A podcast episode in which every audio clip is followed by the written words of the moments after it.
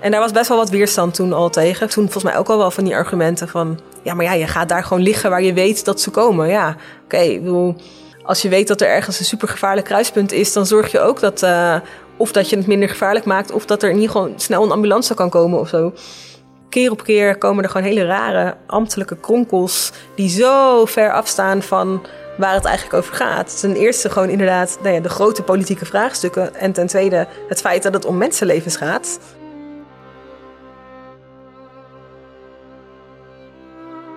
Er wordt dus zoveel geld daarin gepompt uh, om te pogen dat mensen überhaupt niet uitvaren. Als mensen al uitvaren, dat ze het niet halen buiten de, terri de territoriale wateren. Als ze het dan wel halen buiten de, de territoriale wateren, dat ze dan gewoon nou ja, zo snel mogelijk uit internationale wateren worden teruggetrokken.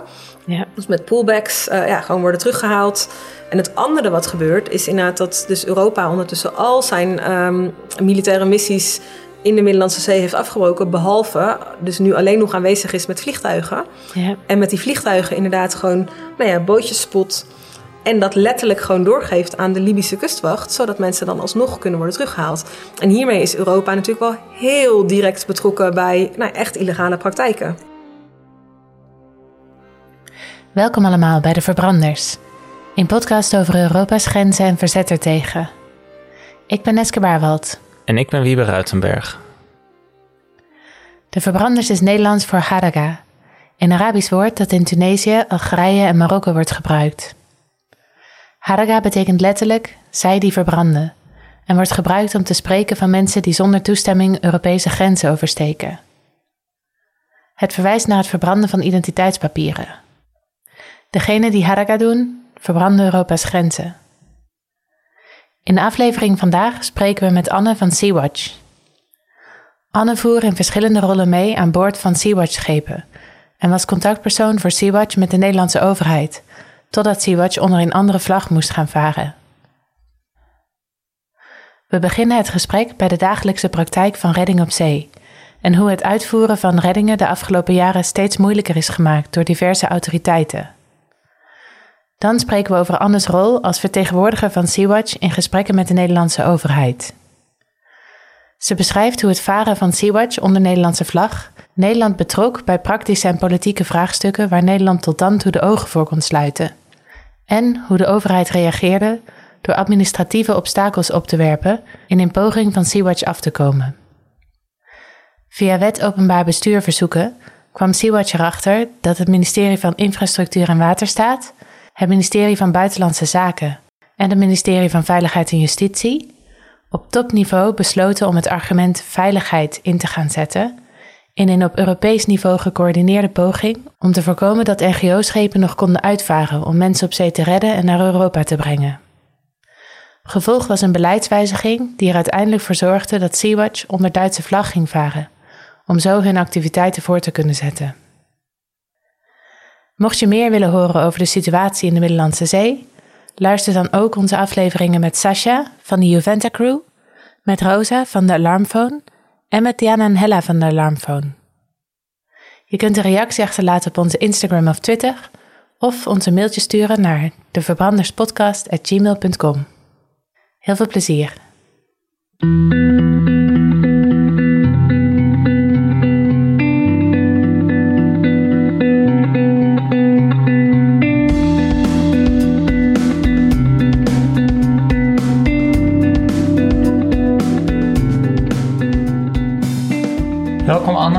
We zijn heel erg blij dat je vandaag met ons wil praten en dat je jouw ervaringen met ons wil delen. We wouden je eigenlijk als eerste vragen of je misschien eens kunt vertellen over hoe jij bij Sea-Watch terecht bent gekomen en welke rollen jij de afgelopen jaren daar vervuld hebt en wat dat een beetje inhield. Nou ja, hoe ik er terecht ben gekomen is eigenlijk bijna toevallig. De jaren daarvoor was ik wel eigenlijk al lange tijd actief in verschillende activistische groepen en nou ja, zeker ook wel migrantenstrijd. En uh, nou ja, ik ken twee gezinnen in Duitsland die zoiets hadden: we moeten iets doen. Er, er, er gebeurt daar van alles op zee, op de Middellandse Zee. Er, er sterven mensen bij het leven. En Wat overheden daar nou precies wel of niet doen, is dusdanig schimmig en onduidelijk. De Left to Die boot, waar heel veel mensen zijn overleden nadat ze wel meerdere malen waren gezien door overheden was eigenlijk niet zo heel lang daarvoor gebeurd. En er was ook net een grote scheepsramp gebeurd bij Lampedusa, waar wel veel contact was geweest met de overheden, maar alsnog nou ja, honderden mensen zijn overleden. Dus die twee families die hadden eigenlijk zoiets van, nou ja, we moeten gewoon iets doen. We willen gewoon daar op zee zijn en eigenlijk met eigen ogen zien wat daar gebeurt. En vooral ook echt, nou ja, bearing witness. Ja, en echt wel gewoon zien dat die overheden hun taak niet volbrengen. Dus die hadden het geld bij elkaar gesprokkeld en een boot gekocht. En daar is langzamerhand Sea-Watch uit ontstaan. Um, en na de eerste keer varen bleek eigenlijk al vrij snel van, nou ja, dat hele idee van bearing witness is super belangrijk. Maar je kan daar niet zijn zonder zelf ook niet uh, rescues uit te voeren. Eigenlijk gewoon de eerste keer dat ze voeren kwamen ze meteen een boot in nood tegen. En waren zelf niet heel goed uitgerust om daarmee adequaat op in te spelen. Is ook niet helemaal waar. Er waren life rafts aan boord en er waren medici aan boord. Maar dat was wel een soort trigger van, oh ja, weet je, als je daar middenin zit, moet je daar ook beter op voorbereid zijn. Dus daar is eigenlijk een beetje het tweeledige karakter van Sea-Watch dus vrij snel in ontstaan.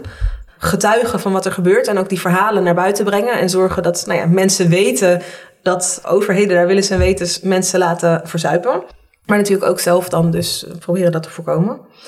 Ja, en hoe ik daarbij betrokken ben geraakt is omdat mijn vriend in eerste instantie daar ging varen. En ik op een gegeven moment dacht, ja, ik zou op zich ook best iets kunnen of willen. Maar ik ben geen kapitein, geen dokter, geen, ik heb niet per se een rol die ik daar kan vervullen.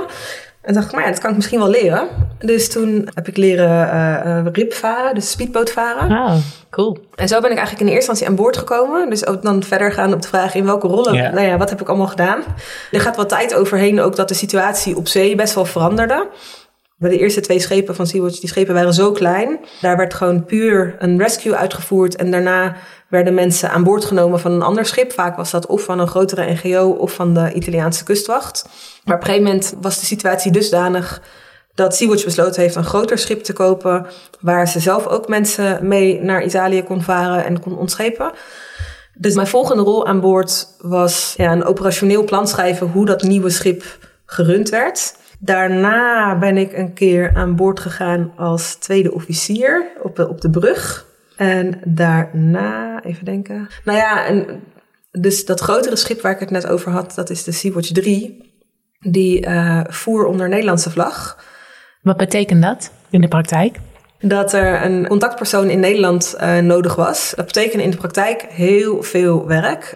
Normaal gesproken zou dat niet zoveel werk zijn, want je bent gewoon contactpersoon voor de Nederlandse overheid als er iets is met dat schip. Maar normaal gesproken, ja, een schipvaart, er is niet zoveel. Maar goed, dit schip gaat natuurlijk eigenlijk ook over een heel politiek onderwerp. En eigenlijk vrij snel was wel duidelijk, ze willen van ons af. Ja, dus daar heb ik een grote rol in gespeeld in zowel de operationele coördinatie met Nederland en dan met name, nou ja, er zijn mensen aan boord er wordt geen veilige haven geboden door de dichtstbijzijnde landen die een veilige haven kunnen bieden. Die verwijzen naar de vlaggenstaat, dat is dus Nederland. Daar veel contact over en in een later stadium ook veel contact over um, een beleidswijziging die Nederland wou doorvoeren. Nou ja, in feite dus om van dat schip af te komen. Ja, daar veel overleg over, maar uiteindelijk ook rechtszaken en dergelijke. Ja. Als we het dan nog weer hebben over rollen. Nu ga ik binnenkort uh, voor het eerst aan boord in de rol als head of mission.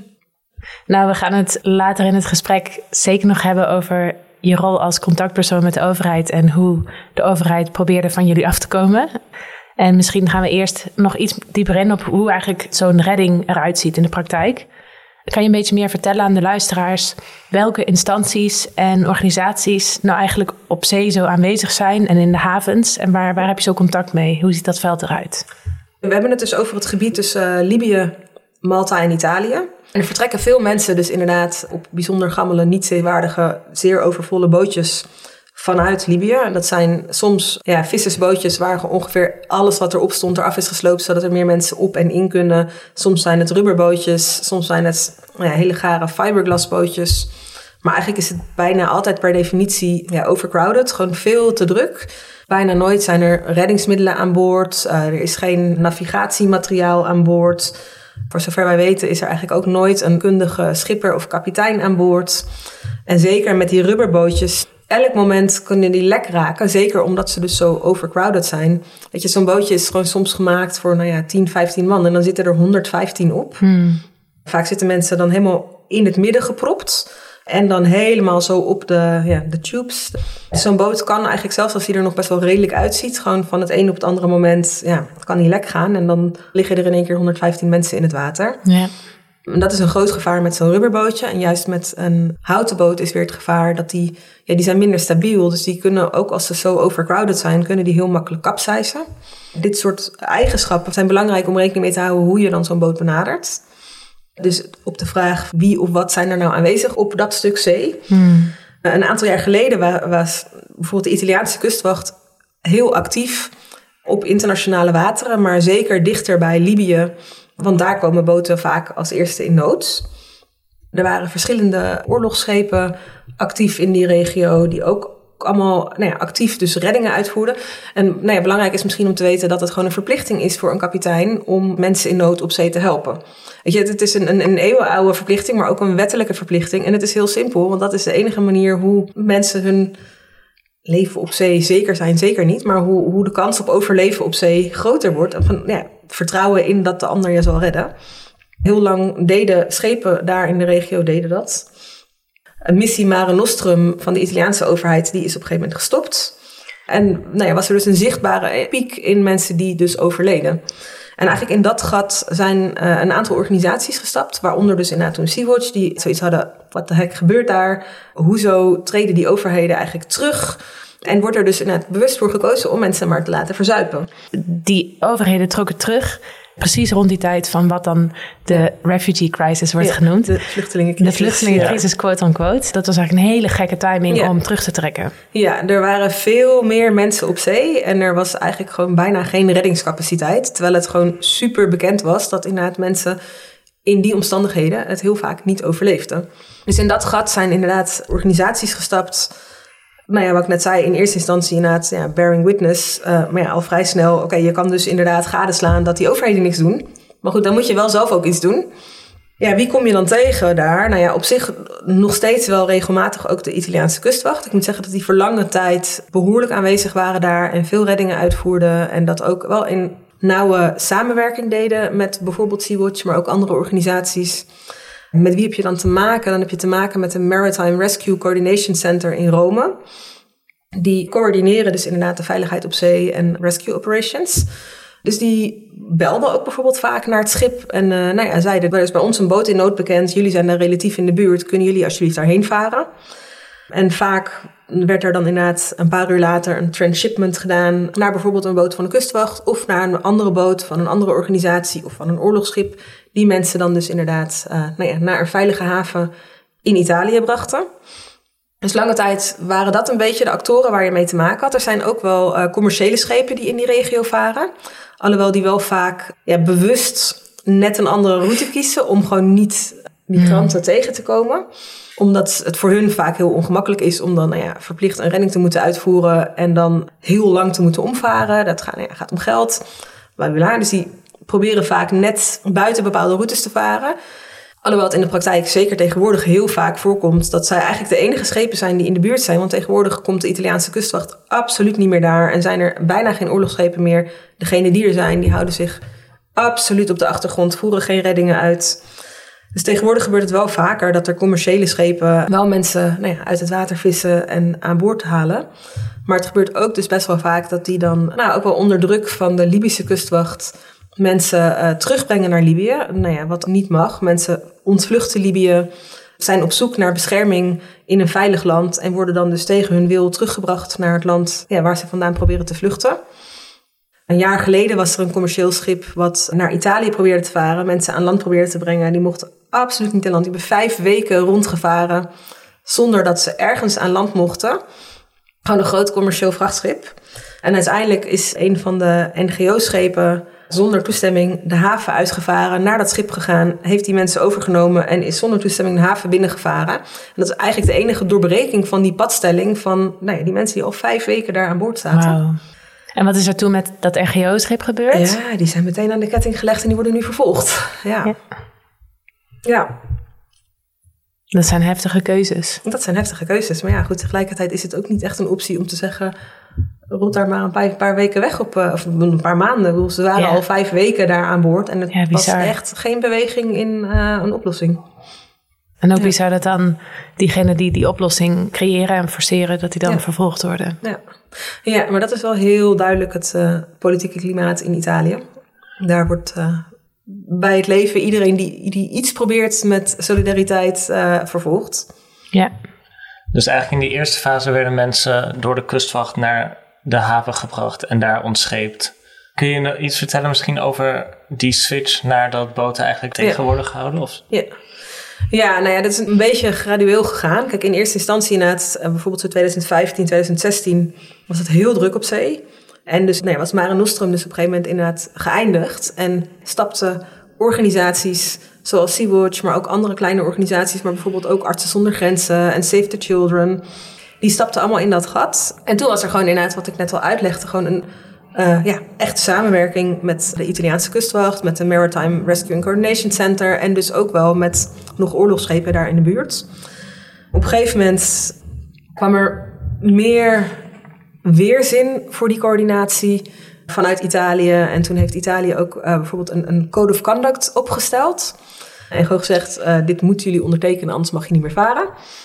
Dat hebben een aantal organisaties wel gedaan, een aantal organisaties niet gedaan. En Sea-Watch heeft daar een beetje over onderhandeld en gezegd... dit zijn echt kritieke punten, die moeten eruit. Daar zijn ze mee akkoord gegaan. Bijvoorbeeld, kan je, kan je uitleggen wat er in die code of conduct stond wat controversieel was?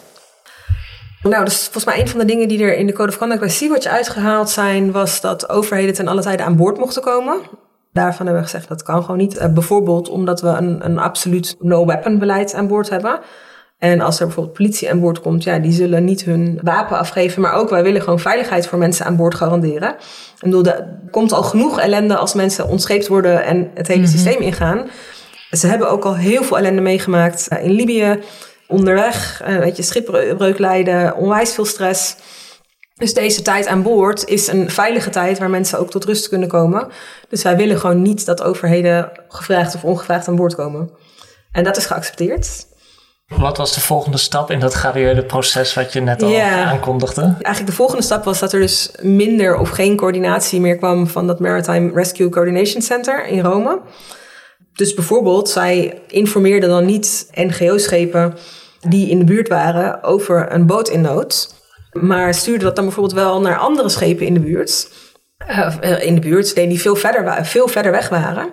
Maar dus niet naar nou ja, dit soort schepen die gewoon dichtbij waren. En ook gewoon echt erop uitgerust waren. Kijk, weet je bijvoorbeeld het verschil met een commercieel schip en een schip als dat van Sea-Watch, maar ook eigenlijk van alle andere organisaties. Een commercieel schip heeft een kleine bemanning aan boord. Ik bedoel, het is uit commercieel belang dat daar zo min mogelijk personeel aan boord is. Dus ze zijn met weinig mensen om door te blijven werken. Die hebben geen enorme voorraden extra voedsel. Die hebben geen medici aan boord. Die hebben geen plek om mensen te accommoderen. Geen dekens, geen, eh, nou ja, van alles. En deze schepen zijn eigenlijk allemaal uitgerust met een klein veldhospitaal. Eh, bijvoorbeeld bij Sea-Watch zijn altijd vier medici aan boord. Genoeg voedsel, eh, genoeg mankracht ook om nou ja, mensen te verzorgen. Maar goed, dan worden dus dit soort schepen niet geïnformeerd. Maar als we dan bijvoorbeeld zelf een boot aantroffen, ja, dan neem je alsnog contact op met hun om inderdaad uit te leggen. Nou, er was een boot in nood. Op deze gronden is besloten om inderdaad een redding uit te voeren. Nu is er een wettelijke verplichting om mensen ook zo snel mogelijk naar een veilige haven te brengen en ze daar te laten ontschepen. Soms of vaak is qua feitelijke afstand bijvoorbeeld Libië wel dichterbij, maar Libië klassificeert op eigenlijk geen enkele grond als een veilige haven. Dus als je dan gaat kijken wat zijn veilige havens in de regio, dan kom je eigenlijk bijna automatisch of bij Italië of bij Malta. Dus dat was een reden dan dus om alsnog de Italiaanse Maritime Rescue and Coordination Center te contacten. En die waren gewoon steeds minder nou ja, behulpzaam in daadwerkelijk spoedig ontschepen. Ja. Dus in het begin ging dat stroef, maar ging het nog wel. Maar op een gegeven moment kreeg je dan soms echt gewoon een e-mail terug met... waarom schrijven jullie eigenlijk ons? Ga maar met je vlaggenstaat eh, praten, want eh, wij hebben hier niks mee te maken. Wat echt een hele grote shift is, want Italië heeft gewoon jarenlang in dat hele gebied juist de search and rescue gedaan. Ja. En altijd mensen zelf ontscheept in Italië, omdat ze zelf ook absoluut precies volgens die eh, juridische gronden weten. I- Italië is de dichtstbijzijnde veilige haven voor ontscheping. Daar was gewoon een ruk naar rechts aan de gang in Italië. En dit, eh, Dit mondde uit in, ja, we willen niet nog meer mensen laten aankomen in Italië, dus zoek het maar uit. En dat eindigde een beetje in inderdaad dat, het een aantal keer is voorgekomen dat schepen gewoon echt niet werden toegelaten. En dus inderdaad weken op zee ronddobberen, zoekend naar een veilige haven. Ondertussen op eh, Europees niveau er ontzettend veel gekissenbist wordt en een beetje nou ja, de bal naar de ander geschoven. En als die geen verantwoordelijkheid neemt, dan doe ik het ook niet. En ik alleen als die en die en die. En terwijl dus inderdaad ondertussen gewoon mensen in echt acute nood langere tijd aan boord van zo'n schip zitten. En zo'n schip is natuurlijk ook niet gemaakt. Het is geen cruiseschip of zo, weet je. Het is een schip wat is uitgerust om rescues uit te voeren, om snel mensen aan land te brengen. En met verschrikkelijke, nou ja, schrijnende gevolgen. Mensen die echt suicidaal werden. En medische situaties die steeds heftiger werden. En, en dan kom je denk ik ook in de positie waarop je ineens hele moeilijke keuzes moet gaan maken als Sea-Watch. Als je dan echt ja, weken aan het rondvaren bent. Wat doe je dan met die mensen? Kan je daar wat meer over vertellen? Ja, kijk, in een aantal gevallen is het bijvoorbeeld zo geweest dat de Italiaanse overheid zei van nou, jullie mogen absoluut niet ontschepen in Italië, maar we nemen wel de verantwoordelijkheid voor de kwetsbare mensen. Dus vertel ons maar hoeveel kwetsbare mensen je aan boord hebt en die komen we halen. Heftig. Ja, het is een verschrikkelijke situatie. Het is op alle fronten verschrikkelijk. Want het gaat gewoon om, om nou ja, het principiële recht, of de principiële plicht ook van Italië, om inderdaad gewoon mee te werken aan die ontscheping. En het gaat echt nou ja, om, om mensenlevens en echt om verschrikkelijk menselijk leed. En om iedereen te ontschepen. Ja. Om iedereen te ontschepen, absoluut. Ik bedoel, ook de niet kwetsbare mensen. Nou ja, dit is echt tussen haakjes. Want iedereen aan boord is super kwetsbaar. Ja, Weet je, mensen komen allemaal ja, uit een hele moeilijke situatie in, in Libië. Bijna allemaal hebben ze lange tijd in detentie gezeten. Verschrikkelijke dingen meegemaakt. Überhaupt die reis op zee. Per definitie is iedereen kwetsbaar. Maar goed, dan worden er definities gesteld. En we hebben een aantal keer gezegd, nou oké, eh, we hebben 250 mensen aan boord. Nou, dat zijn 250 kwetsbare mensen. Nou ja, dat wordt dus niet geaccepteerd. Ja.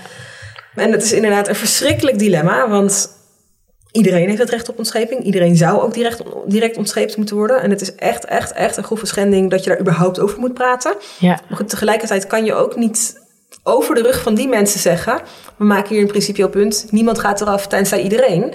Want dan hou je die mensen die dan nog wel ontscheept zouden worden door de Italianen, hou je die in feite in gijzeling. Het is wel een aantal keer gebeurd dat mensen bijvoorbeeld onderling gingen overleggen. Want een aantal mensen zeiden: Nou, ik ga niet, ik blijf bij de rest. En het is ook best wel vaak voorgekomen dat inderdaad bijvoorbeeld de rest zei: We accepteren het en we snappen het helemaal dat de mensen die de kans hebben van boord gaan. Maar ja, zodra die dan van boord zijn, dat dan wel echt ja, de sfeer dusdanig omslaat dat mensen zich echt realiseren: wij zijn aan ons lot overgelaten. Dit, ja, wij zijn zo onwelkom hier.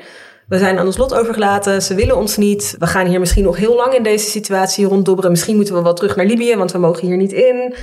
Nou ja, dat heeft een enorme weerslag op, op het mentale gestel van mensen en dus ook op de sfeer aan boord. En ook misschien op hoe zij jullie zien. Nou ja, dat, dat eigenlijk is een belangrijke vraag om dat aan mensen zelf te stellen, hoe mensen dat hebben ervaren. Ik heb het zelf wel eens meegemaakt in zo'n situatie dat op een gegeven moment een groep zei van, ja, we geloven het niet meer, we vertrouwen het niet meer. Zij doen niet genoeg voor ons. Weet je, ze doen het misschien wel uit goede bedoelingen, maar ze doen niet genoeg voor ons. Vanavond sowieso laat springen we overboord en we gaan wel zwemmen. Zoek het maar uit.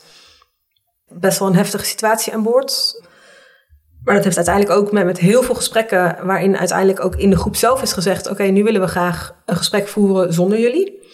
En daar is uiteindelijk een groepsbeslissing genomen van: Nou, nee, we blijven toch aan boord en we vertrouwen dat jullie alles uit de kast halen om dit wel zo snel mogelijk op te lossen.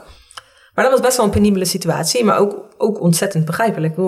Kijk, een van de dingen die we gewoon elke dag bijvoorbeeld deden, was na het ontbijt ons uh, ja, een soort groepsoverleg waarin er een update werd gegeven wat er die dag was gebeurd of zou gebeuren, wat voor overleggen er zijn. Nee, daar is natuurlijk heel veel discussie over geweest. Dan moet je dat soort informatie delen, ook als het geen goed nieuws is. Maar ja, uiteindelijk is het ook wel van transparantie is super belangrijk en eigenlijk ook de enige manier hoe je vertrouwen kan hebben in elkaar aan boord. Want uiteindelijk zit je dan dus gewoon met elkaar weken aan boord. Ja. ja.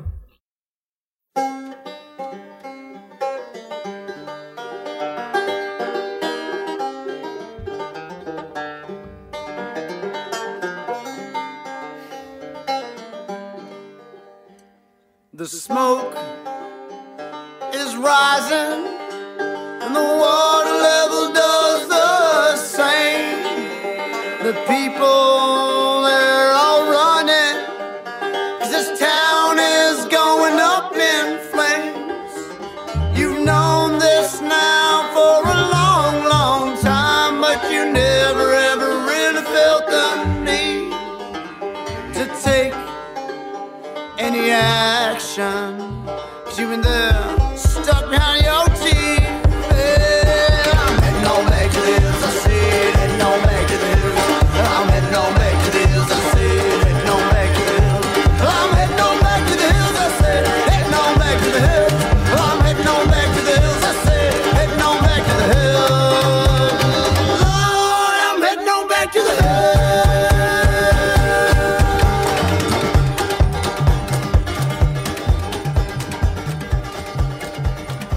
Dus we hadden het al eerder over hoe dat klimaat eigenlijk omsloeg. Dat het maritieme coördinatiecentrum zich steeds meer terugtrok.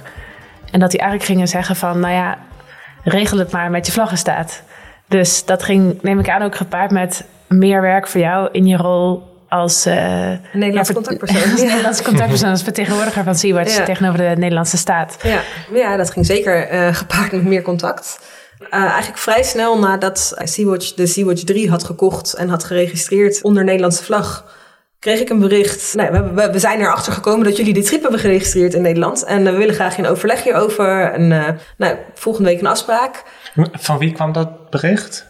denk van het ministerie van Infrastructuur en Waterstaat. En nu hebben we het over 2017. 2017, ja. ja.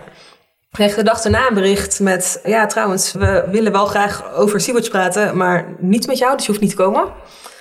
De dag daarna kreeg ik weer een bericht met... Uh, nee, je mag wel komen. Dus toen was het echt al totale chaos. Uiteindelijk heb ik een advocaat gevraagd van... Hey, er gebeuren hier best wel rare dingen. Kan je ook proberen te, uit te vinden... wat eigenlijk überhaupt de, de reden van zo'n gesprek is. En dus hij heeft verder dat contact onderhouden. En nou ja, vertelde mij dat een van die personen aan de telefoon eigenlijk vrijwel meteen zei... Ja, die registratie is dus nu rond sinds een week. Maar uh, als ik dit eerder had geweten, dan was dat überhaupt niet gebeurd. Waar best wel een beetje al de toon mee was gezet van... nou, oké, Nederland is dus niet zo blij met dit schip. En dat is dus eigenlijk precies ook in de tijd dus dat Italië gewoon minder coördinatie op zich nam. Dus toen heeft Nederland gezegd, uh, eigenlijk altijd als jullie in een situatie terechtkomen waarbij je de Italianen contact, moeten jullie ons ook contacten. Dat hebben de Nederlanders gezegd. Hebben de Nederlanders toen geëist. Dus eigenlijk daarom zijn zij bij iedere rescue-operatie betrokken geraakt.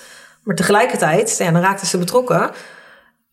Hadden ze geen idee wat ze ermee moesten. En, en nou ja, behalve geen idee, hadden ze ook gewoon geen motivatie om er iets mee te doen. Want ja, weet je, in principe is dat, was het heel lang voor Nederland zo. Nou ja, oké, migratie, Middellandse Zee, lekker ver weg, niet ons pakje aan. En hierdoor was het in één keer wel dat zij er toch iets mee te maken hadden.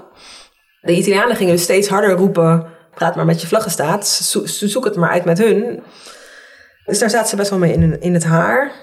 En dat was heel ingewikkeld, want dan was er dus inderdaad een situatie met mensen aan boord. En dan moest Nederland in één keer gaan bedenken hoe ze daarmee om gingen gaan.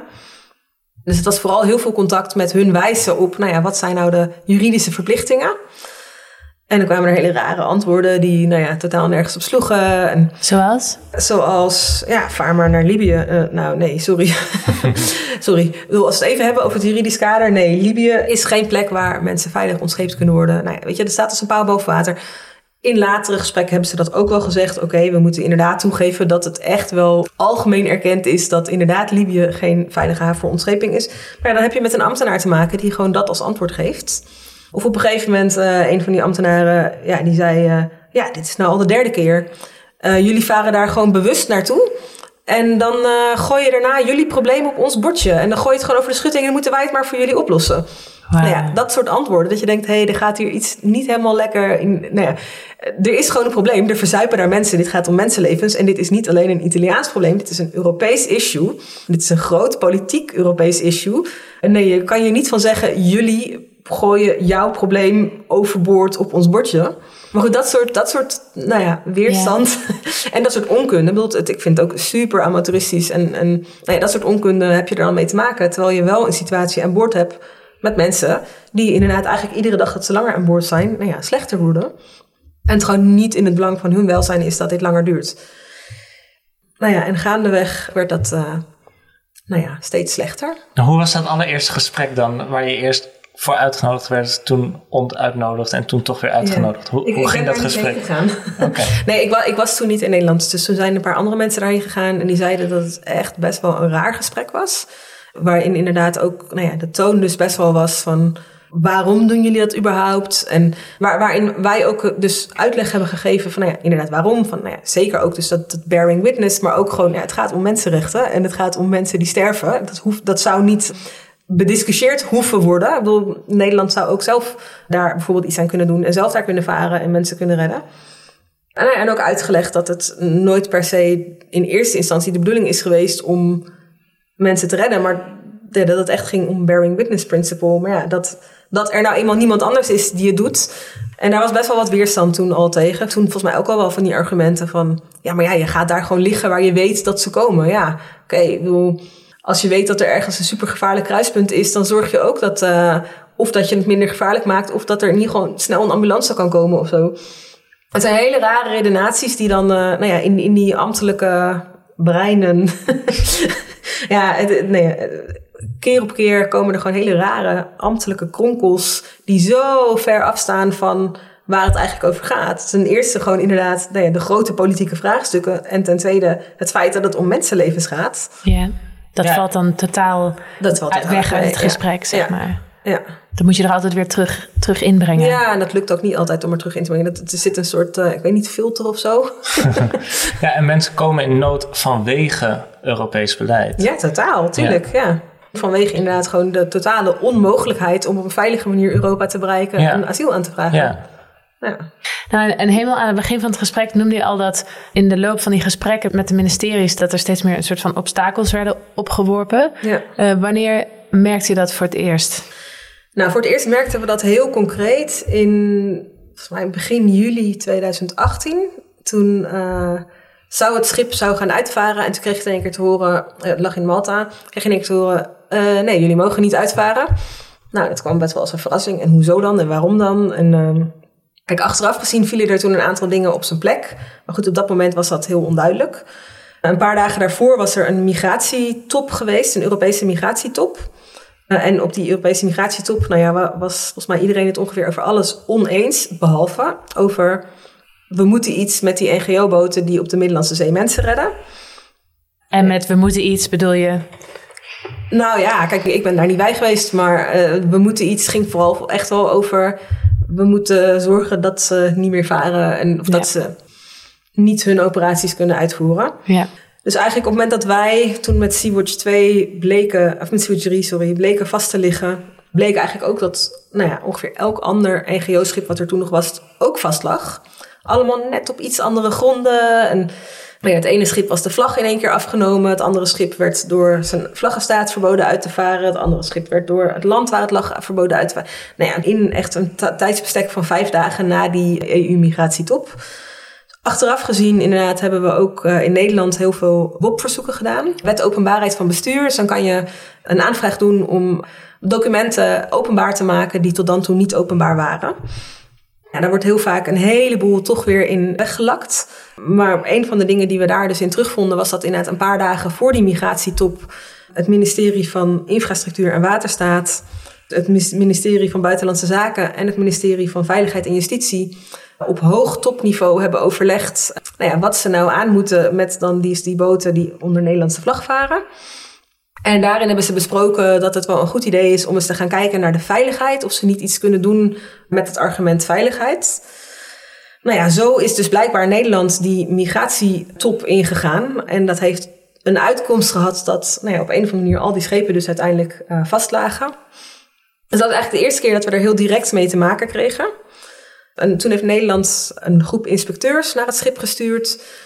Nou, het argument toen was dus dat bijvoorbeeld Malta, we lagen in Malta, en dat Malta het niet begrijpelijk vond dat dit schip in Nederland geregistreerd stond als pleziervaartuig. Ik denk dat het belangrijk is om daarbij te vermelden dat Nederland juist heel lang een bewust beleid heeft gehad, namelijk het open armen beleid, wat in 1989 is ingesteld in Nederland, waarin dus bewust het pleziervaartuigenscheepsregister is geopend voor ideële organisaties. En daar stond echt juist letterlijk in, nou ja, voor organisaties als Greenpeace en andere soort organisaties, zodat zij niet hoeven te voldoen aan de dure vereisten voor commerciële vaartuigen. Want zij gebruiken het ook helemaal niet commercieel en hebben niet die financiële middelen. Binnen die registratie heb je pleziervaartuigen als mogelijke registratieoptie. Ja. Commerciële vaartuigen of passagiersschepen. Ja, dus je hebt eigenlijk in Nederland. En, uh, cargo. In Nederland heb je drie smaakjes: mm dus pleziervaartuig, vrachtschip of uh, passagiersschip. Ja. Dat is niet in alle landen hetzelfde. Sommige landen hebben ook nog andere categorieën. En bijvoorbeeld inderdaad Italië heeft ook als categorie search and rescue. Hmm. Maar dat heeft Nederland niet. Dus dit speelde later wel ook weer een rol inderdaad in conflicten tussen Italië en Nederland. Goed, nu in eerste instantie dus was dit een, een soort issue tussen Malta en Nederland. Dat Malta gewoon zei van ja, dit schip kan geen pleziervaartuig zijn, we accepteren dat gewoon niet. Terwijl dus inderdaad Nederland in ieder geval in het verleden dus nou ja, juist expres ja. Uh, dat beleid zo heeft vormgegeven om juist dus toegang te geven tot ideële organisaties. Dat die schepen kunnen hebben om, zonder al die kosten en dure vereisten. nou ja, duidelijk dat dat wel verleden tijd is. ik denk toch het rechtsklimaat heeft ons een beetje ingehaald wat dat betreft. Uh, maar toen heeft Nederland dus in het inspecteurs gestuurd naar Malta. Um, die hebben een inspectie aan boord gedaan. En eigenlijk was hun conclusie: ja, dat schip voldoet aan alles waar een pleziervaartuig aan moet voldoen. Maar ja, dat was natuurlijk niet echt een bevredigend antwoord voor Malta, want die zeiden: ja, maar dat is juist ons issue. Hmm. Dus toen is het schip drie maanden geblokkeerd geweest in Malta. Nou ja, uiteindelijk, ja, met een beetje juridische uh, slimmigheidjes, is het schip toen weggekomen uit Malta. Was daarmee ook weer nou ja, vrij, kon weer opereren. Een aantal andere schepen waren ondertussen ook weer uh, nou ja, uit hun geblokkeerde situatie gemanoeuvreerd. Maar een hoop schepen konden gewoon niet meer varen. Of waren dusdanig nou tegengewerkt dat ze bijvoorbeeld financieel helemaal uitgekleed waren. Die hadden niet heel veel financiële reserves, konden gewoon niet meer varen. Het schip kon niet meer worden ingezet. Dus dat was eigenlijk een soort eerste echt actieve. Nou, ik denk eigenlijk, die, een jaar daarvoor al, de Code of Conduct was denk ik de eerste actieve inmenging. Maar goed, dit was dan de tweede, maar best wel verregaande en ook Europees gecoördineerd. Europees gecoördineerd, ja, zeker. zeker. Ja. Ze had best wel tot gevolg inderdaad dat er nou, een aantal maanden helemaal geen uh, dit soort schepen voeren. Maar ook dat toen uiteindelijk langzaam schepen toch weer konden varen, er minder schepen waren. Hmm. En eigenlijk in diezelfde periode is in Nederland toen aangezwengeld door de minister van Infrastructuur en Waterstaat, Cora van Nieuwenhuizen. Ja, die heeft, een, heeft de Kamer toen geïnformeerd van nou, we gaan een beleidswijziging toepassen eigenlijk een, een, onmiddellijke beleidswijziging dat dit soort schepen dus niet meer als pleziervaartuig geregistreerd kunnen worden. Want um, ja, die schepen worden helemaal niet gebruikt voor plezier. Die doen heel andere dingen. En daar is deze registratie niet voor bedoeld. Waar ook heel erg de toon mee werd gezet van zij doen iets illegaals. Wat natuurlijk onzin is, want tot die tijd was er juist dus dat beleid. En was er, het was niet een maas in de wet of zo. Er is gewoon echt bewust dit beleid gecreëerd, open armen beleid. Oh, daar waar zij dus een streep door zetten. En dat zou immense effecten hebben op jullie mogelijkheid om überhaupt uit te varen? Nou ja, kijk, op dat moment was dat natuurlijk heel onduidelijk. Want zij zei, oké, we gaan werken aan een beleidswijziging. Een onmiddellijke beleidswijziging. Maar ja, onmiddellijk, terwijl je geen idee waar het over gaat, is niet zo heel onmiddellijk. um, maar dat riep dus heel veel vragen op. Natuurlijk bij ons, maar ook bij andere organisaties. En ook in de Kamer zijn daar veel vragen over gesteld. Van, wat houdt dat dan in? Betekent dat dan dat er heel veel kosten mee gemoeid zijn? Betekent dat dat schepen niet meer kunnen varen, uit de vaart worden gehaald? Wat is überhaupt het doel ervan? Nou ja, toen kwam dus dat doel, nou ja, veiligheid. Het gaat ons allemaal om de veiligheid. Het heeft verder geen enkel politiek doel. Het gaat er helemaal niet over om schepen uit de running te halen. Het gaat alleen maar om veiligheid. We willen meer veiligheid aan boord creëren en dat is het enige doel. En veiligheid voor wie? Nou ja, dat is een hele grote vraag. ik denk dat het officiële antwoord van de minister is veiligheid voor iedereen. Maar in gesprekken later ook met verschillende ambtenaren, maar ook met de minister zelf, was echt heel duidelijk dat het nou ja, indirect ging om veiligheid van, denk ik toch, de bemanning aan boord. Maar eigenlijk heel direct om ja, de veiligheid van de minister. De veiligheidseisen rond de Sea-Watch 3 mogen wat de VVD betreft flink worden opgeschroefd. Daarvoor pleit de partij vandaag in de Tweede Kamer. Het schip dat onder Nederlandse vlag vaart... heeft ondertussen zo'n 37.000 vluchtelingen op eigen houtje de Middellandse Zee overgebracht. Maar staat nu wederom ter discussie. Ja, meneer Dijkstra, als het aan u ligt mag die Sea-Watch eigenlijk nooit meer uitvaren. Waarom niet? Nou, klopt. Het staat, uh, eigenlijk maken ze misbruik van de regels. In Nederland hebben we een unieke situatie dat we pleziervaartuigen hebben. Daar staat zij onder ingeschreven. En dat betekent dat ze niet voldoen aan de internationale eisen die gelden voor zeewaardigheid. En daarnaast willen we natuurlijk stoppen dat er ja, meer mensen in gammele bootjes stappen om uiteindelijk weer naar Europa te komen. nou, er was toen vrij recentelijk een ongeluk gebeurd met de Stint. De Stint was een elektrische bakfiets waar voornamelijk kinderdagverblijven veel gebruik van maakten. En daar dus grotere groepen kindjes in vervoerden. En er was een heel naar ongeluk gebeurd waarbij uh, zo'n stint met een hoop kindjes erin vast was komen te zitten op een spoorbaan. Uh, nee, en hij deed het gewoon niet meer. Hij had een soort elektrische storing, hij deed het niet meer en er was geen backup systeem. En er is uh, nou, een ongeluk is gebeurd met die stint en een trein. En die kindjes hebben dat niet overleefd. Nou, dat is natuurlijk verschrikkelijk. Maar die stint speelde in die zin dus een grote rol in hoe wij uiteindelijk niet meer konden varen. Omdat de minister eigenlijk keer op keer maar bleef zeggen ik heb moeten dealen met die stint. Ik ben daar verantwoordelijk voor. Ik kan niet nog een keer zoiets als een stint meemaken. Dus moeten er nu maatregelen plaatsvinden. Het is een soort argument waarbij je alles gijzelt. Want het gaat dan om de emotie van de minister. En, uh, Nou ja, goed, tegelijkertijd zijn er dus honderden mensen op de Middellandse Zee... Uh, wiens veiligheid blijkbaar niet zo heel relevant is. Want ja, die mochten gewoon verzuipen. Ja, daarmee is een proces in gang gezet waarbij in eerste instantie vijf organisaties bij betrokken werden. Dus waaronder Sea-Watch, maar ook Greenpeace en Sea Shepherd en Women on Waves. Omdat het ministerie had geïdentificeerd dat dat de organisaties waren die uh, nou ja, geraakt zouden worden door dit beleid. Dus allemaal organisaties die onder Nederlandse vlag ja. varen en dus ja. op basis van het open arms beleid als pleziervaartuigen geregistreerd zijn. Precies. Nou ja, die dus inderdaad volledig terecht en binnen alle kaders van de wet hun schepen als pleziervaartuig hebben geregistreerd. Die werden dus toen uitgenodigd om inderdaad nou ja, te spreken over die beleidswijziging. Nou ja, een van de dingen die daar bijvoorbeeld door ons ook heel vaak naar voren werd gebracht, door ons, dan ik ook door alle organisaties. Nou ja, weet je, natuurlijk is veiligheid voor ons enorm belangrijk en daar werken we ook heel hard aan. En we hebben, weet je, en uit die inspecties kwam ook naar voren van, nou ja, er zijn heel veel extra maatregelen aan boord en uh, heel veel extra veiligheids materialen aan boord, uh, extra trainingen, extra dit, extra dat. Natuurlijk is veiligheid super belangrijk. En als dat de grote zorg is, dan willen we daar ook graag afspraken over maken. Kunnen we een convenant over, uh, over het opstellen en tekenen. Maar een van de vragen was ook wel van, nou ja, wat, wat ligt hier nou aan ten grondslag? Is er bijvoorbeeld een risicoanalyse gemaakt? Zijn er incidenten geweest die een aanleiding geven om hier iets in te veranderen? Volgens mij zijn er iets van 2600 pleziervaartuigen geregistreerd in Nederland.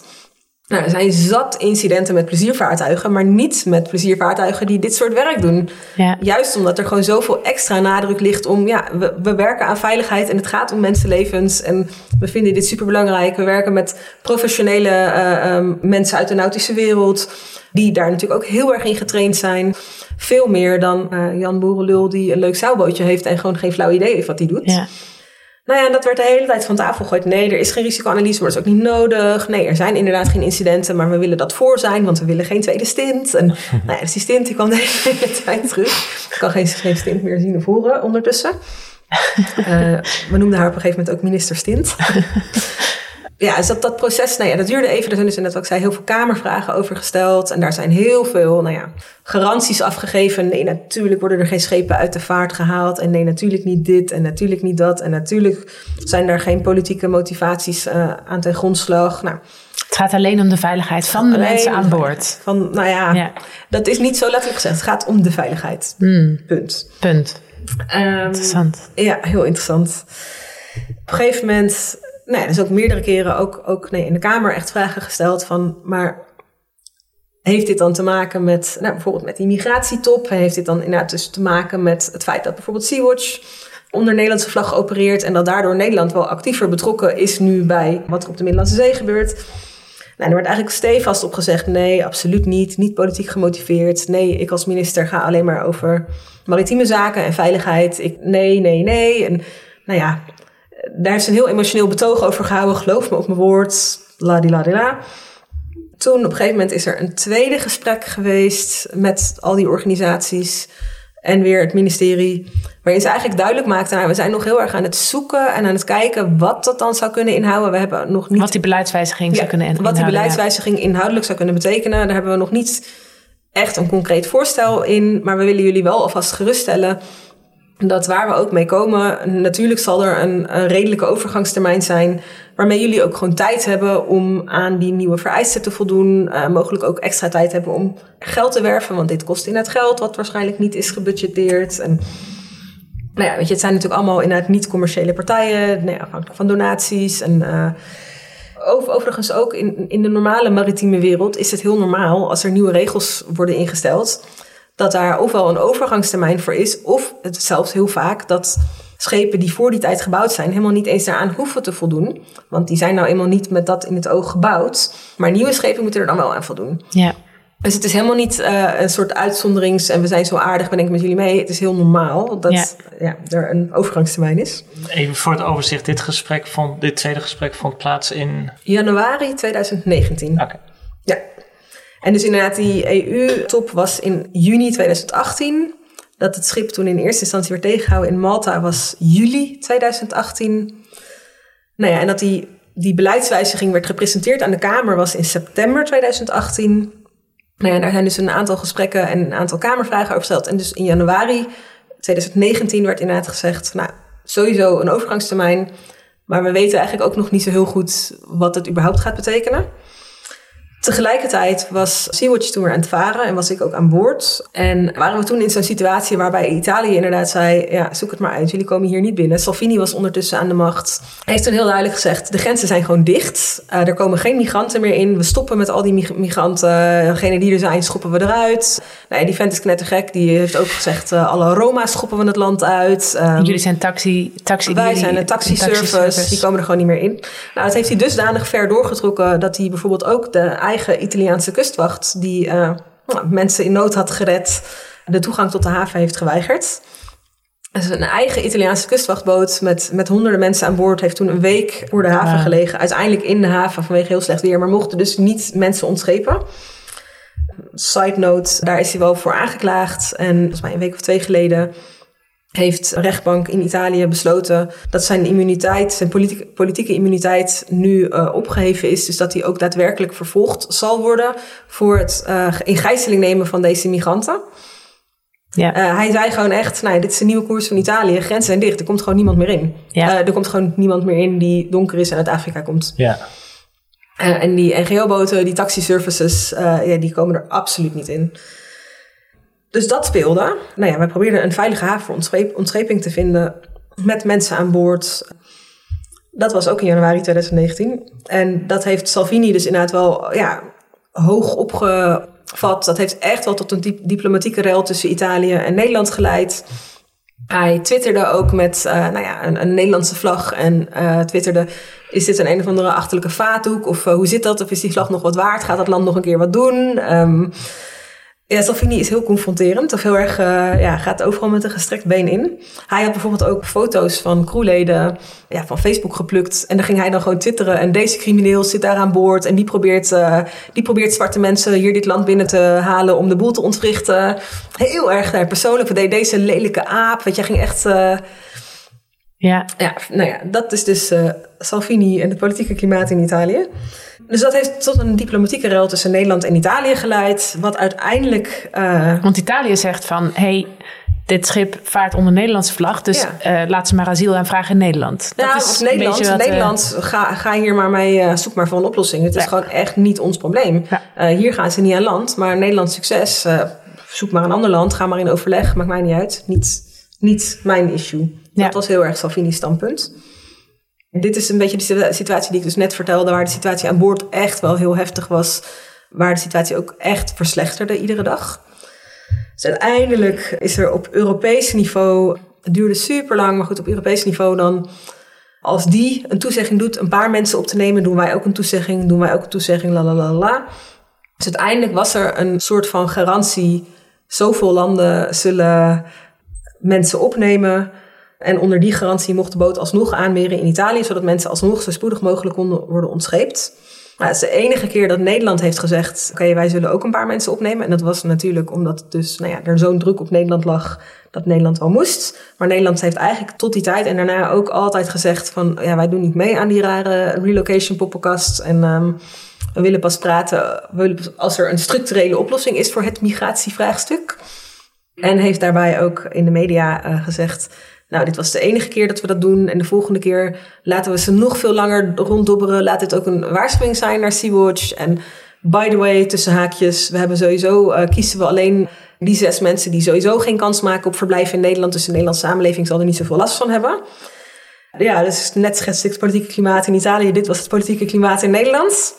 Tegelijkertijd in een kamerdebat uh, ging Madeleine van Torenburg van de CDA helemaal wild op uh, dat het toch niet kan wat daar gebeurt en dat dat schip direct aan de ketting moet worden gelegd. Nou ja, eigenlijk beter, maar kun je dat schip afzinken.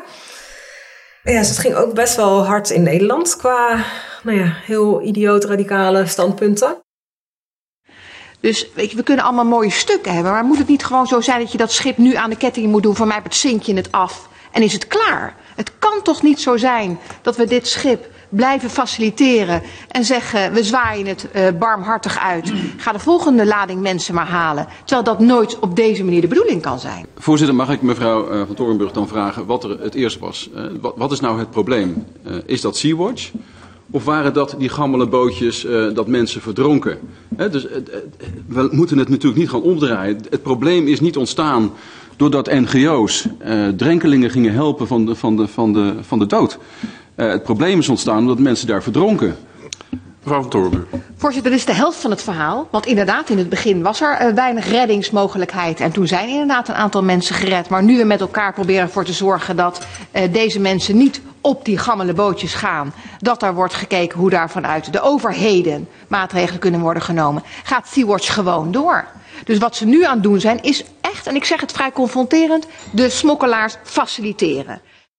En dat is nog opgepakt door andere politieke partijen. Ja, zeker. Nou ja, in, in, in de, ik denk anderhalve maand daarna uh, ging zowel de VVD als de PV, P van de A, nee, sorry, niet PV, VVD en de PVV uh, daarmee aan de haal. Ja, en gingen echt partijen oproepen van, uh, nou en steunen jullie dit ook? Het schip moet worden afgezonken, la la la. En is er zelfs een motie ingediend in de Tweede Kamer om te stemmen over het afzinken van de Sea-Watch 3. ja, krankzinnig. Um, maar goed, dit is, ja, dit is maar een van de ja. Ik zou bijna zeggen topje van de ijsberg. Ja. maar goed, dat leidde er dus toe dat die diplomatieke ruil tussen Nederland en Italië, of tussen Italië en Nederland, dat Nederland ja, zo in zijn maag zat met Sea-Watch en dat schip. Dat ze eigenlijk vrij radicaal besloten hebben van oké, we laten dat proces even los wat we hadden over die beleidswijziging voor al die organisaties. We focussen ons nu alleen nog maar op Sea-Watch. Dus wij werden ontboden op het ministerie zonder die andere organisaties. En met wij, jij ook persoonlijk. Ik, ja, persoonlijk, ja, ja precies. Werd ontboden. Nou ja, toen kregen we inderdaad te horen, er is urgentie. We gaan nu alleen werken aan een beleidswijziging voor organisaties die reddingen uitvoeren. Toen is er een soort gedachtegang met ons gedeeld. Het is in een paar dagen dusdanig geëscaleerd dat de minister gewoon zei... nou, ik heb het hele beleid geschreven en um, ja, jullie kunnen er nu mee akkoord gaan... Maar als je er niet mee akkoord gaat, dan presenteer ik het alsnog vanmiddag aan de Kamer. en dan uh, gaat het gewoon morgen in. En jullie kunnen er nu mee akkoord gaan, maar dan kunnen we daarna nog een beetje over de details spreken. Als jullie niet nu akkoord gaan, dan is elk gesprek gewoon afgelopen. Dan gaat het gewoon vanmiddag in en dan is het klaar.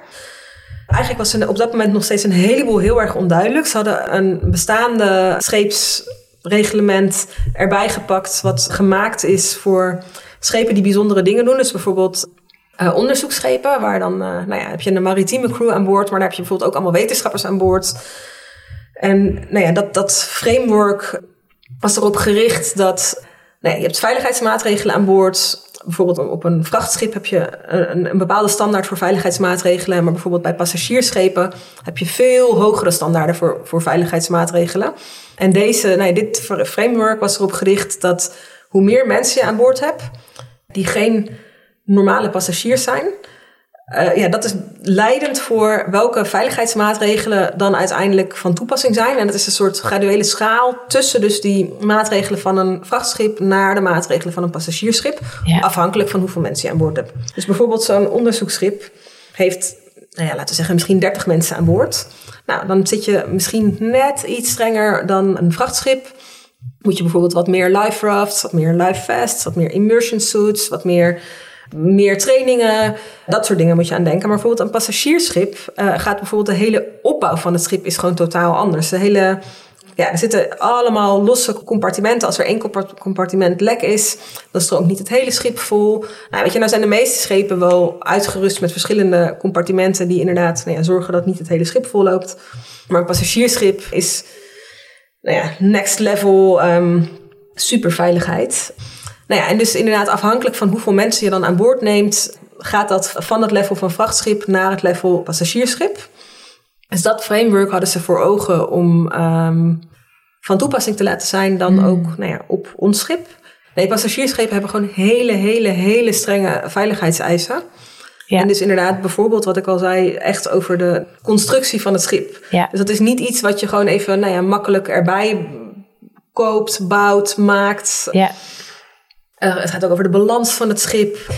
Dat zijn factoren die je niet gewoon nu even zo van... oké, nou dan gaan we even uh, een halfjaartje verbouwen... en dan kan zo'n schip daaraan voldoen. Dus dat was eigenlijk het wat nou, vrij plotseling... eigenlijk vrij wel van de een op de andere dag... in één keer werd gepresenteerd. Dit framework ligt ten grondslag aan het nieuwe beleid... wat dus blijkbaar al helemaal geschreven was... en vanmiddag gewoon ingaat. Als jullie niet nu akkoord gaan... en dan kunnen we nog, nog even over de details spreken... En als klap op de vuurpijl gaat het dus meteen in. Is het ook meteen van toepassing? Is er dus helemaal geen overgangstermijn waar dus nou ja, twee maanden daarvoor nog werd gesproken over... natuurlijk krijg je een jaar en natuurlijk is het niet de bedoeling om schepen uit de vaart Ja. te halen.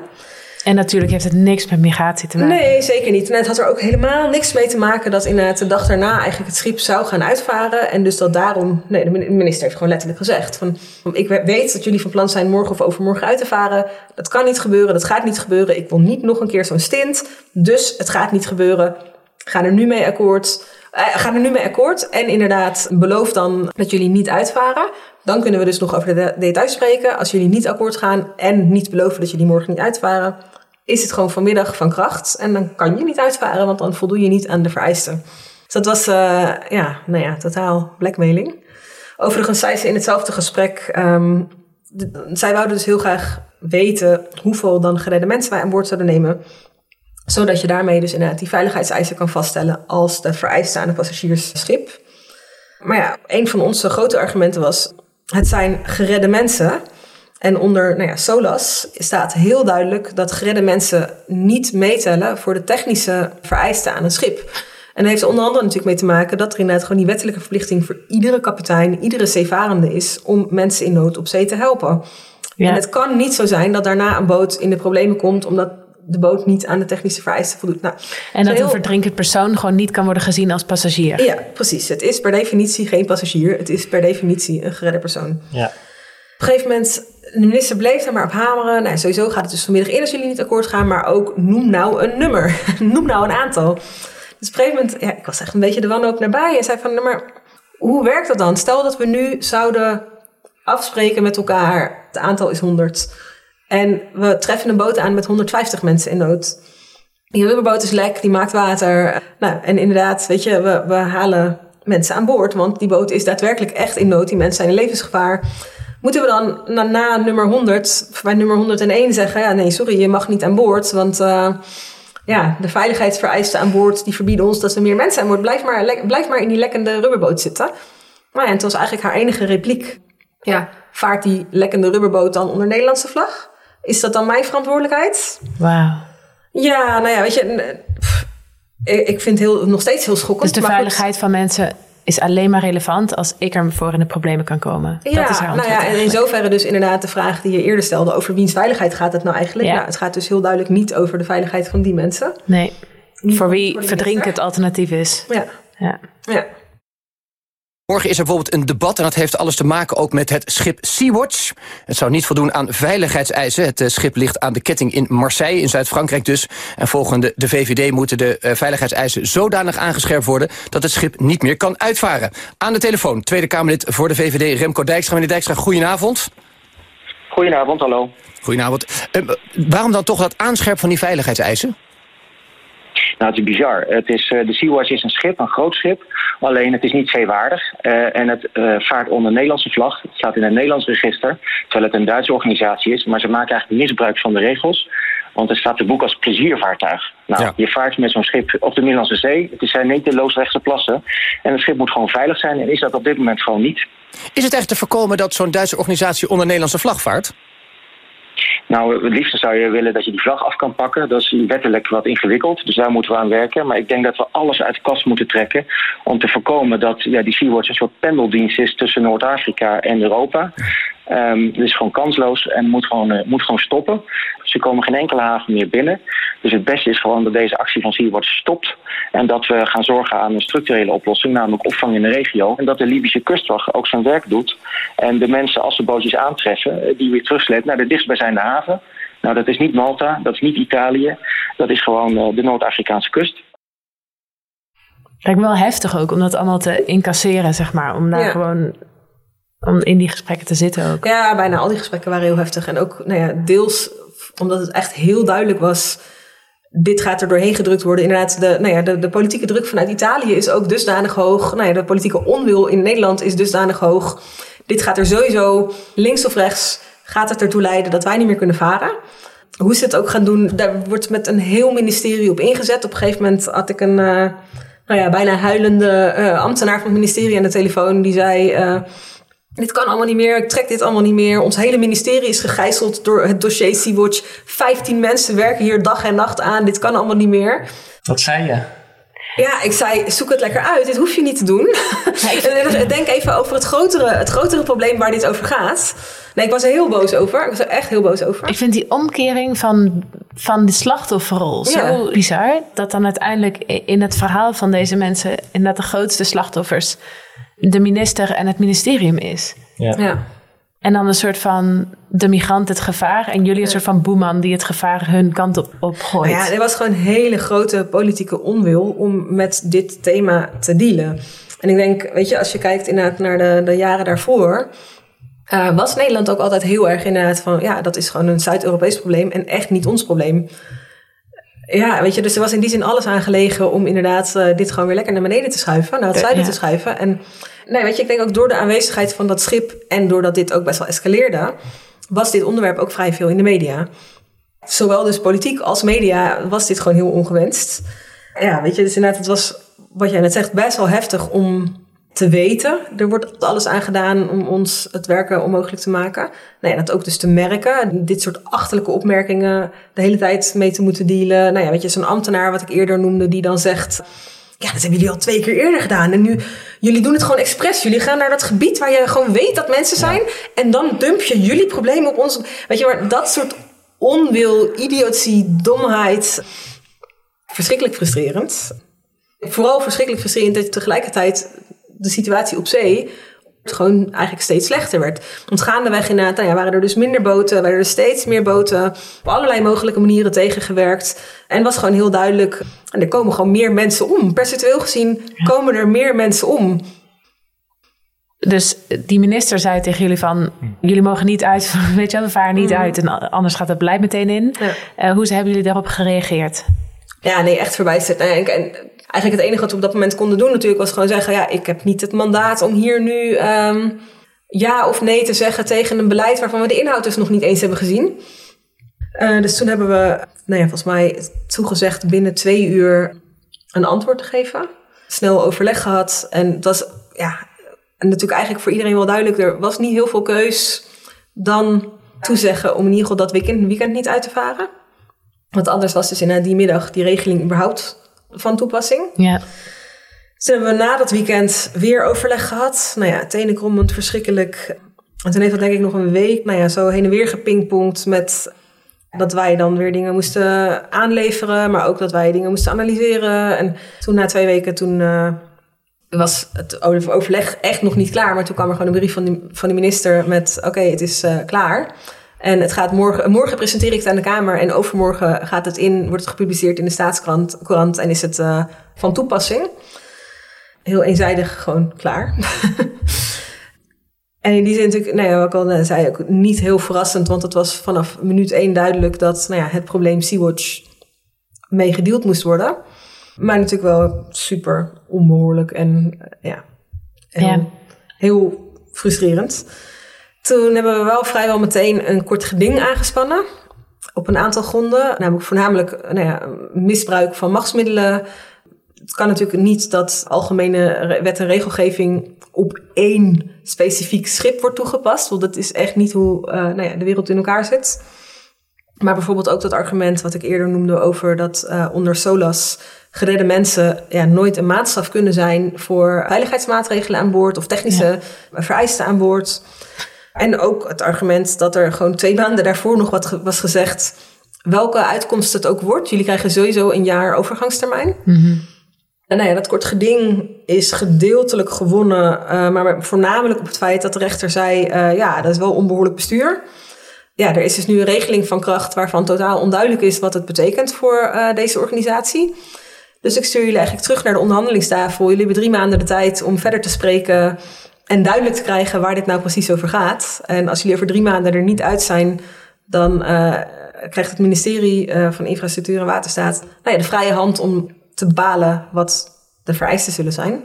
En dat kort geding, hoe, hoe zag dat eruit in, in de rechtszaal? Ja, dat was. eh, ehm, nou, ik kan er achteraf misschien wel zelfs bijna om lachen. Toen kon ik er vooral bijna om huilen. Ja, wij waren met echt een klein groepje, ik denk vier, vijf mensen. En de twee advocaten die ons bijstonden. En aan de kant van uh, de gedaagde partij, dus het ministerie in dit geval, waren vier advocaten.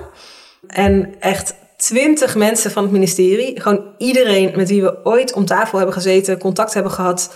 Plus nog een aantal andere mensen die we later overigens zouden leren kennen, omdat we dan de weken daarna nog ermee om tafel zaten. Ja, die zaten dus letterlijk allemaal, nou ja, aan één kant, die hele publieke tribune uh, van hun kant was helemaal vol. Ja, en wij zaten met een helemaal lege publieke tribune. Ja, best wel een beetje geïntimideerd te wezen. Ja. En, en echt zelfs op, tot het niveau, dus dat voordat we de rechtszaal in konden, dat mensen waar ik dus al anderhalf jaar lang echt best wel intensief contact mee had, me voorbij liepen en ik nog zo, oh hey, een handje probeerde te geven en dan maar zo een ongemakkelijke move met, uh, ja, nou, uh, even door mijn haar of zo. ja, gewoon heel intimiderend was het. Echt heel intimiderend. Dan voel je ook echt ineens dat iedereen met wie je die gesprekken hebt gehad tegenover je staat, ja. tegen je staat. Nou, dat had ik denk ik altijd al wel, dat gevoel ook tijdens die gesprekken. Maar ja. het, het maakte wel nog meer dan in die eerdere gesprekken dat je echt voelt van nou, deze overheid zit hier om je gewoon te verpulveren. Ja. Jij bent gewoon een probleem en je wordt verpulverd. En je, je kan het gewoon letterlijk zien. Dat je dubbele hoeveelheid advocaten, vijf keer zoveel mensen op de publieke tribune, die er blijkbaar allemaal belang bij hadden om daar bij die rechtszaak aanwezig te zijn. Of blijkbaar allemaal gewoon in hun door de baas betaalde tijd daar gewoon konden zitten. Uh, en wij allemaal als vrijwilligers daar uh, al maanden ons tijd helemaal, nou echt ons over de kop aan het werken waren om proberen maar zo lang mogelijk te blijven varen. Om mensen te mogen proberen te blijven redden. Ja. Nou ja, om mensen mogen te proberen te blijven redden in een situatie die überhaupt niet zou moeten bestaan. Precies. Weet je, het, ja, het, het is zo ver af van waar het eigenlijk over gaat. Ja. Ja. Dus dat kort geding hebben jullie half gewonnen, half ook niet gewonnen. En wat is er daarna gebeurd? Ja, eigenlijk vind ik zelf dat we het helemaal niet hebben gewonnen. Behalve dat het dan onbehoorlijk bestuur was. Maar op geen van de vlakken hebben we verder gelijk gekregen. Maar interessant genoeg heeft de rechtbank een persbericht de deur uit gedaan... waarin werd geframed dat Sea-Watch had gewonnen. oh, wauw. Interessant genoeg, ja. Wat is er toen gebeurd? Nou ja, nog weer een hele serie met bijzonder ongemakkelijke gesprekken. Want ja, dat was dus een order van de rechtbank. Dat waren dan die eh, onderhandelingen. Dat waren onderhandelingen, ja. Nou ja, en wij hebben wel besloten toen ook uh, beroep aan te tekenen tegen die uitspraak, omdat we dus eigenlijk echt op, op eigenlijk elk principieel grond geen gelijk hebben gekregen. En dat beroep diende, nou, ik denk een week of drie voordat die termijn afliep waarin we uh, eruit zouden gekomen moeten zijn met het ministerie. En we zijn alleen in beroep gegaan over het punt van de overgangstermijn. En daar heeft de rechter ons wel gelijk in gegeven. Heeft inderdaad gezegd: oké, het feit dat je nu drie maanden terug naar de onderhandelingstafel gaat, is geen overgangstermijn. Want je weet nog steeds niet waar je aan moet voldoen. En zodra het dan duidelijk is, ja, moet je alsnog direct eraan voldoen. Dus toen is een overgangstermijn gegeven tot 31 december 2019. Hmm. Dat is zeker langer dan niks, maar het is uh, verre van een jaar. Want dit, uh, de uitspraak was uiteindelijk uh, ergens in augustus.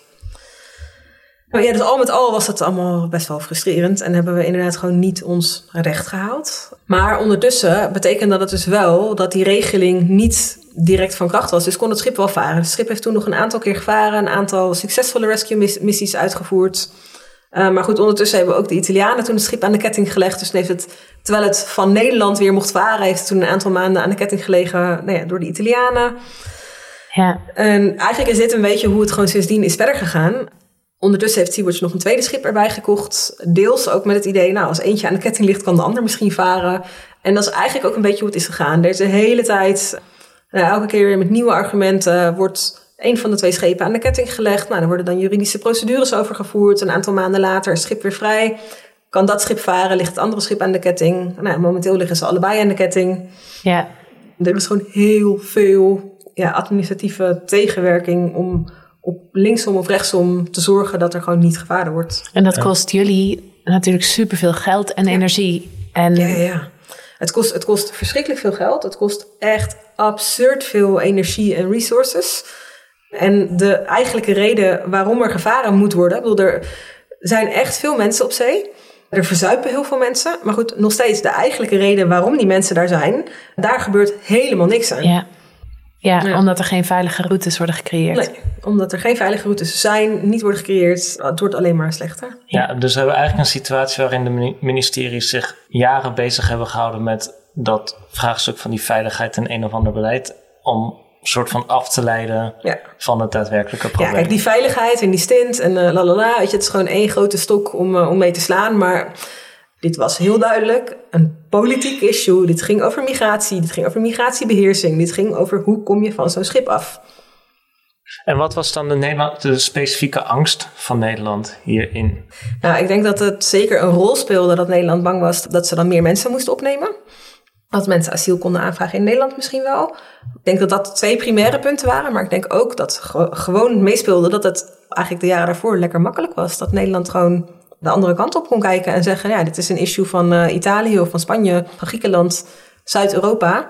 Wij hebben er niks mee te maken. Zoek het maar uit, los het maar op. En omdat dus een schip onder Nederlandse vlag wel nou, migranten redden uit die regio, werd Nederland er wel mee geconfronteerd dat ze er iets mee moest. En werd ze inderdaad al keer op keer door ofwel Malta of door Italië ja, daarop aangesproken. En moest zich op, op Europees niveau uh, daarop verantwoorden waarom Nederland eigenlijk niks deed. En waarom Nederland nooit mensen opnam in zo'n relocation scheme. En, nou ja, en, en het onderwerp is nu gewoon niet meer aanwezig uh, in de Nederlandse politiek. Ja, precies. Dus op 1 januari 2020 ja. ging dat nieuwe beleid in. Wat ja. hebben jullie gedaan? Ja, nou ja, kijk, wat we dus altijd al wisten, inderdaad, met dat nieuwe beleid, uh, daar konden we nooit aan voldoen, aan die veiligheidsvereisten. Uh, namelijk met dat in het achterhoofd zijn die veiligheidseisen ook opgesteld. Dus uiteindelijk was er geen andere keus dan inderdaad de Nederlandse vlag uh, te verbranden. nee, dat moet nog gebeuren. Ik heb hem thuis liggen. Uh, nee, um, om uh, uit te schrijven uit het Nederlands vlaggenregister. En uh, nou ja, tegenwoordig is het een Duits gevlacht vrachtschip. En zie je nog een mogelijkheid dat er toch weer een Nederlands gevlacht schip kan gaan varen? Nee, nee, nee. Die, die, ik, zou, ik zou het heel graag willen. Um, nou ja, tenzij, uh, tenzij luisteraars uh, miljoenen in kunnen brengen en we een schip kunnen kopen wat echt aan al die vereisten zou kunnen voldoen, dan zou het zeker een mogelijkheid kunnen zijn. Ik denk alleen dat inderdaad, nou ja, het feit dat deze beleidswijziging voor dit ene schip er doorheen is gejast door een heel ministerie wat zich gegijzeld voelde door dit dossier, wel aantoont dat ze echt heel ver gaan om alles eraan te doen dat dit soort schepen niet onder Nederlandse vlag varen. Dus als er nu een nieuw schip zou komen wat dan wel aan deze vereisten voldoet, ja, verwacht ik wel dat er links of rechtsom weer op een andere manier dusdanige tegenwerking gaat komen dat er mogelijk ook niet gevaren kan worden. Wat jij nu hebt omschreven van in het afgelopen uur klinkt voor mij als een poging vanuit de Nederlandse overheid om allerlei administratieve middelen in te zetten om het jullie eigenlijk zo moeilijk mogelijk te maken en om, om jullie in ieder geval weg te drijven, dan niet per se uit de zee, maar in ieder geval onder Nederlandse vlag mm-hmm. uit de zee. En, en tegelijkertijd dat er allerlei pogingen waren vanuit verschillende havens om, om jullie gewoon de hele tijd aan de ketting te leggen en, en te stoppen.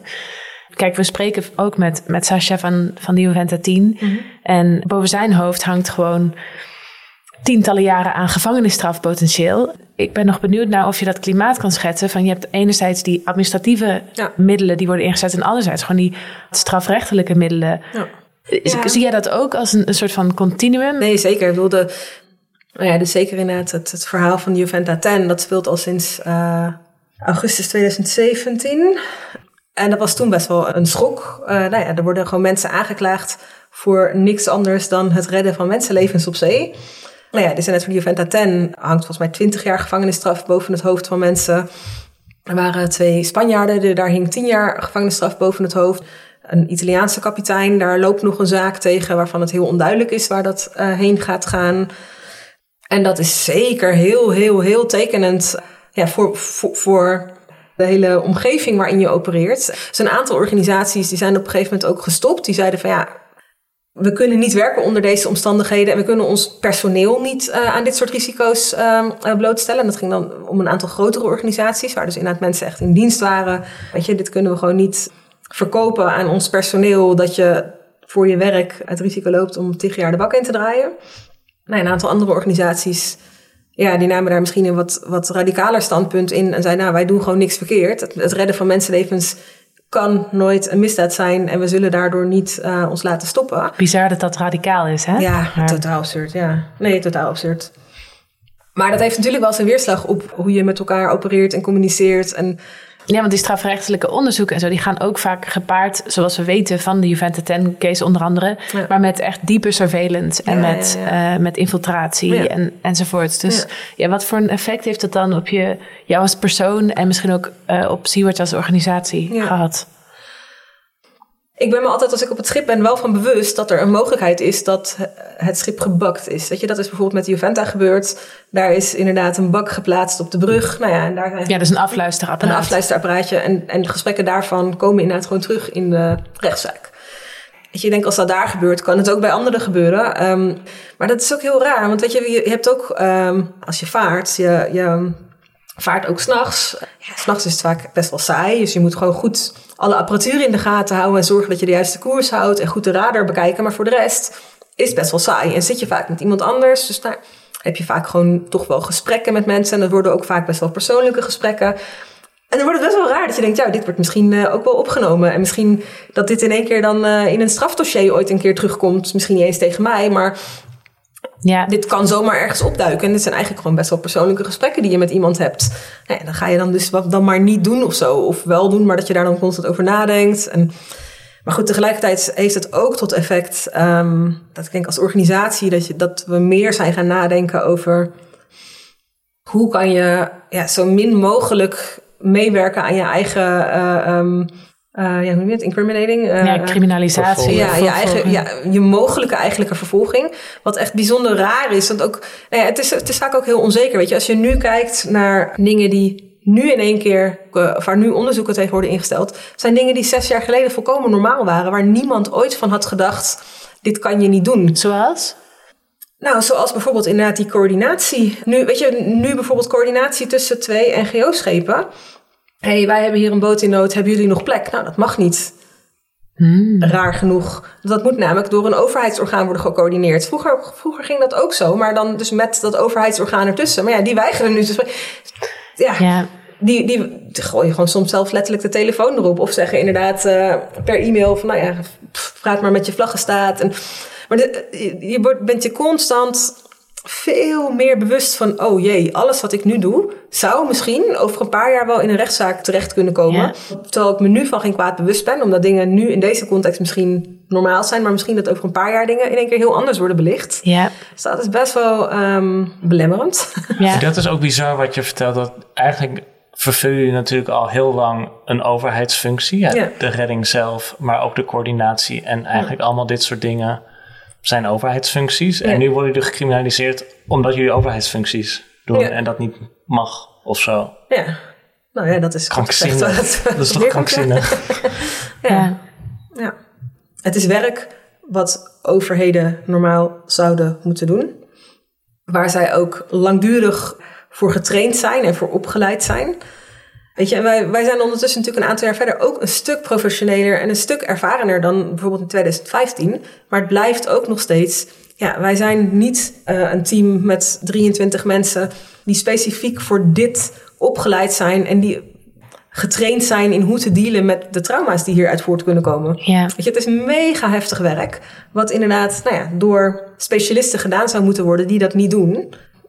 Ja, ik vind, als, als je daar even op uitzoomt, vind ik dat ook echt absurd. ja.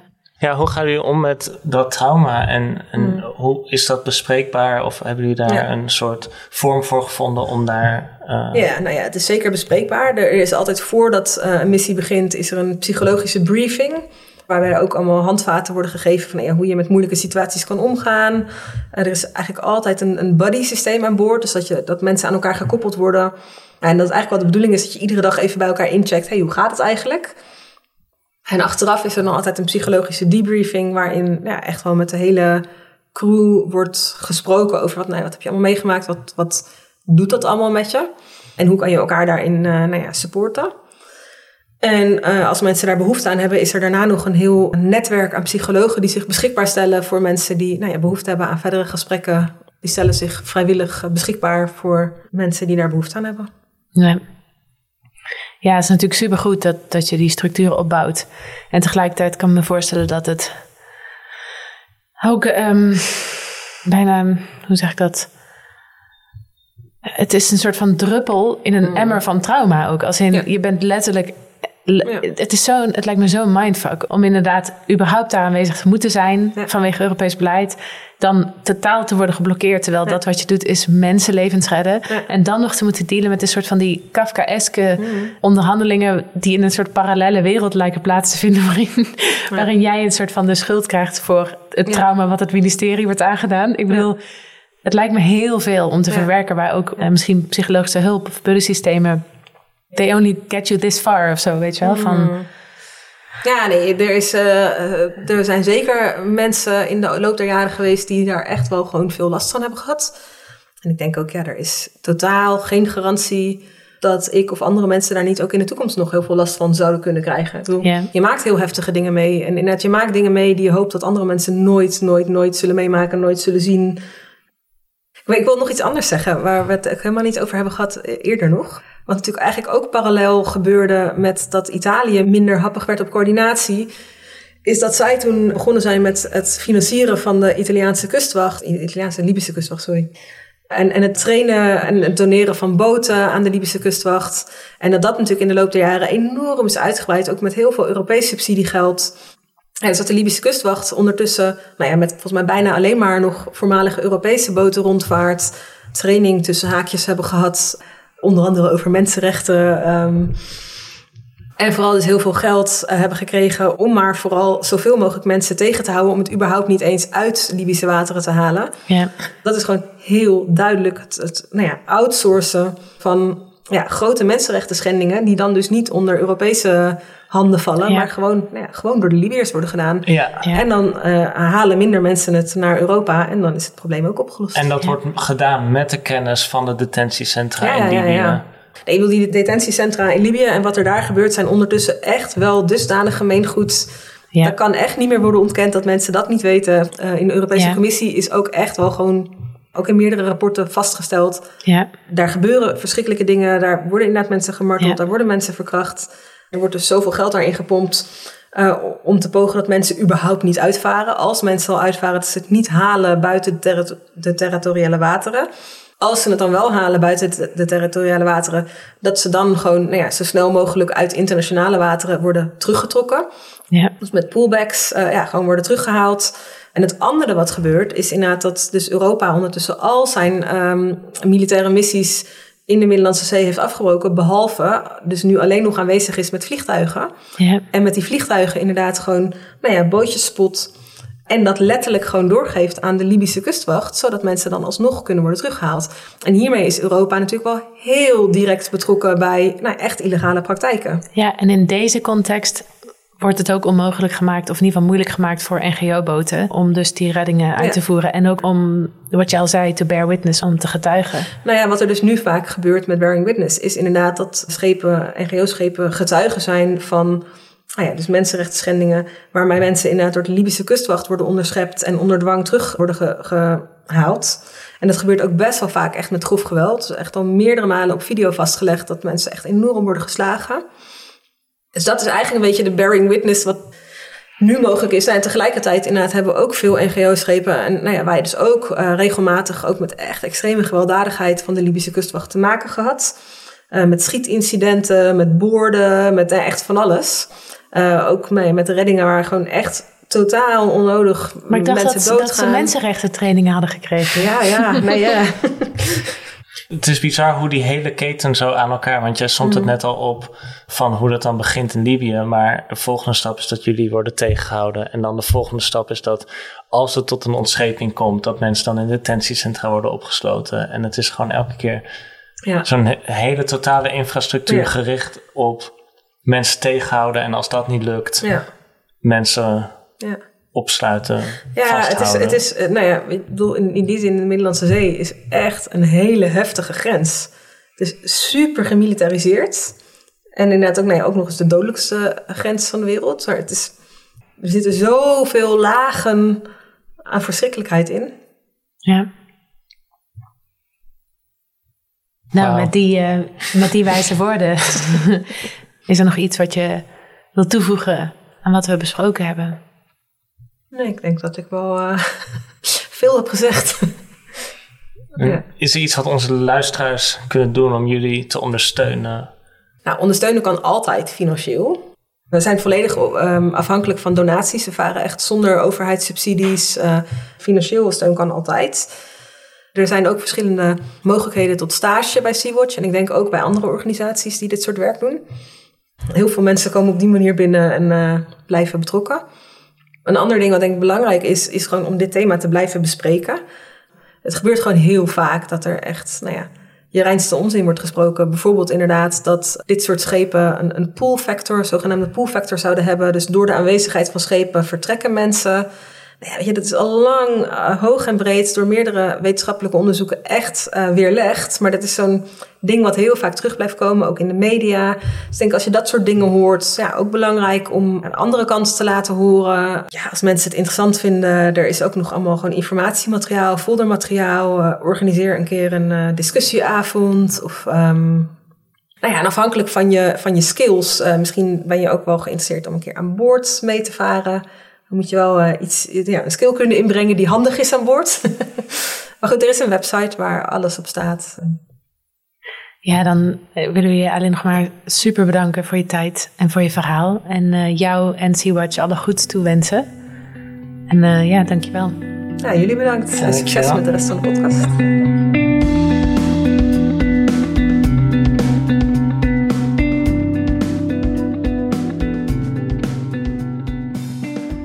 Voordat we deze aflevering afsluiten, willen we nog een paar mensen, collectieven en organisaties bedanken. Be Carrot voor de illustraties die we gebruiken op onze social media accounts. Thomas van Dark Roast voor de vormgeving. De Bucket Boys, Joris en David en Ellen en Neske voor de muziek. De MKZ Binnenpret voor de ruimte om de interviews op te nemen en het Van Vollenhoven Instituut en het Instituut voor Culturele Antropologie en Ontwikkelingssociologie van de Universiteit Leiden, het Leids Universiteitsfonds en de Nederlandse Organisatie voor Wetenschappelijk Onderzoek voor de financiële ondersteuning.